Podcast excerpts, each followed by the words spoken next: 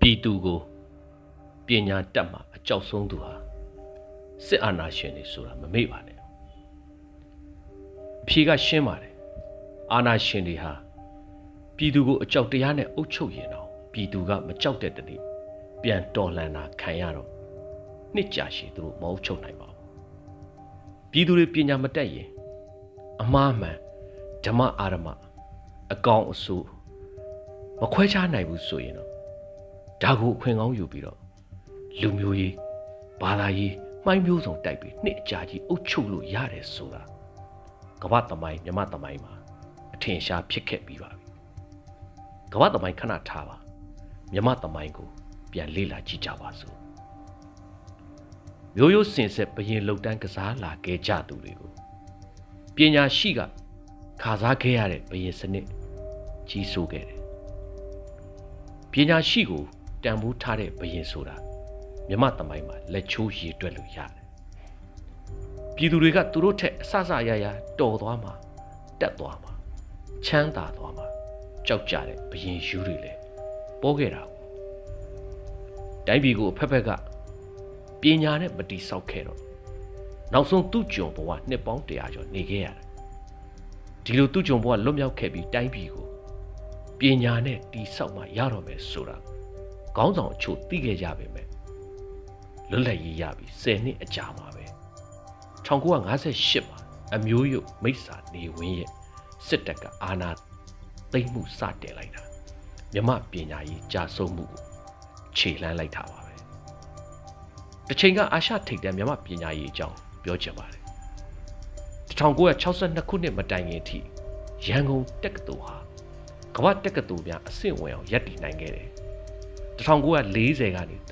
1950ခုနှစ်တည်းအတွင်းမှာအရှိတောင်အာရှမှာအကောင်းဆုံးတက္ကသိုလ်အဖြစ်သတ်မှတ်ခံရပြီးတော့အာရှမှာထိပ်တန်းရက်တည်နိုင်ခဲ့တဲ့အတွက်အခြားအာရှနိုင်ငံကကျောင်းသားတွေလာရောက်ပညာသင်ခဲ့ကြတယ်။တစ်ချိန်ကအိန္ဒိယနိုင်ငံဆေးရုံတွေမှာဆရာဝန်တွေရန်ကုန်ဆေးတက္ကသိုလ်လက်မှတ်ပါရင်အတိမတ်ပြုလေးစားအခမ်းရဆုံးပါ။ဟုတ်ပြီဒါဆိုမြမပညာရေး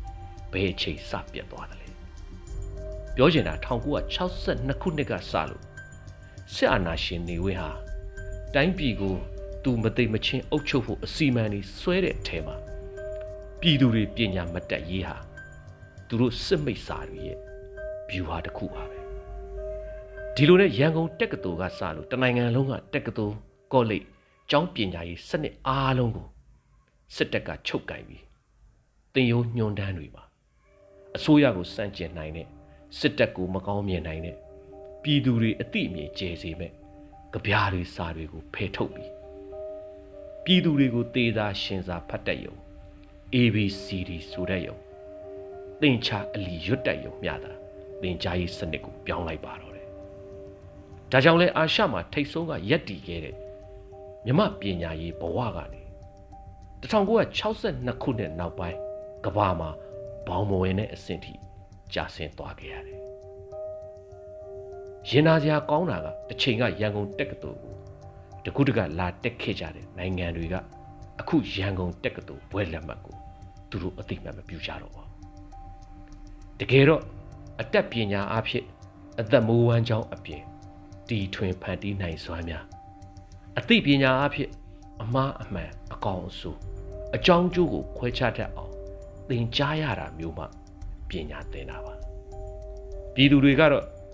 ပညာရေးမှာရွေးချယ်စရာအခွင့်အလမ်းပျောက်ခဲ့ကြပြီဒါသင်ဒါဖတ်ဒါကြက်ဒါဖြေအတက်တင်ပညာရေးမဟုတ်ပဲအတန်းတင်တဲ့ပညာရေးဘဝနဲ့စစ်အာဏာရှင်ရဲ့သေစာရှင်စာတင်ရိုးထဲမှာဘွဲရအလုံးလက်မဲ့များစွာနဲ့ကျင်လည်ခဲ့ရပါတယ်ဒီစ조ဆက်ကြောင့်လဲစစ်ပိတ်စာတွေရဲ့ အမှောင်ပညာရေးတွေကအတွေးခေါ်အမားတွေဟာပြည်သူတွေစစ်ကြော်တက်ကိုပိုရှည်စေခဲ့ပါတယ်ပြည်သူတွေဟာစစ်အာဏာရှင်ရဲ့ပညာရေးစနစ်ကိုမကြိုက်ကြလို့ပြည်ပသွားတင်နိုင်ဖို့ကိုလည်း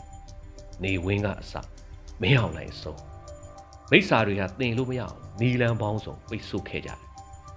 သူတို့လက်တဆုပ်စာသားသမီးတွေအားလုံးကိုကြတော့ပြည်ပမှာကြောင်းသွားထားကြတယ်ဘာကြောင့်လဲသူတို့သားသမီးတွေ ပြည်သူပေါ်ပပညာရေးရအသာစီးယူပဲစီးပွားရေးအမြင်တွေအသာစီးယူပဲပြည်သူပေါ်လူလဲလုတ်ပြီးအနိုင်ကျင့်မယ်ဆိုတဲ့သဘောပဲဒီနေ့တိုင်းပြည်မှာစီးပွားရေးကိုလော်ကြီးအုပ်ထားကြတဲ့စစ်ခွေးနဲ့အယိုးကိုက်ခရိုနီအုပ်စုသားသမီးတွေသူတို့ဘယ်နိုင်ငံကပညာတွေသင်ထားတယ်ဆိုတာအားလုံးသိပါပဲဆိုလိုတာကပြည်ပကပညာရေးကိုအထင်ကြီးလို့ပြောဆိုနေခြင်းမဟုတ်ပါဘူးမိမိတို့ရဲ့ပညာရေးစနစ်ကိုတစ်ချိန်က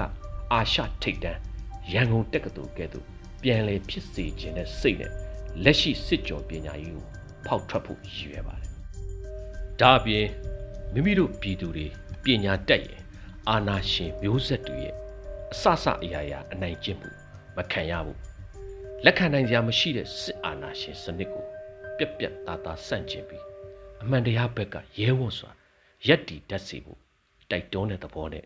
ရေးသားခြင်းဖြစ်ပါတယ်။ ညီကုန်းချုပ်အဖြစ်စစ်အာဏာရှင်ကတင်ပေးမဲ့ပညာရေးတွေပြည်သူကိုစစ်ကြောသက်ရှိအောင်တင်သောပညာရေးတာဖြစ်ပါလိမ့်မယ်။ဒါကြောင့်ပြည်သူကိုပညာတတ်မှအကြောက်ဆုံးသူဟာစစ်အာဏာရှင်တွေဆိုတာမမေ့ပါနဲ့လို့သာပြောပါရစေ။အရေးတော်ပုံအောင်နေပါပြီ။တခင်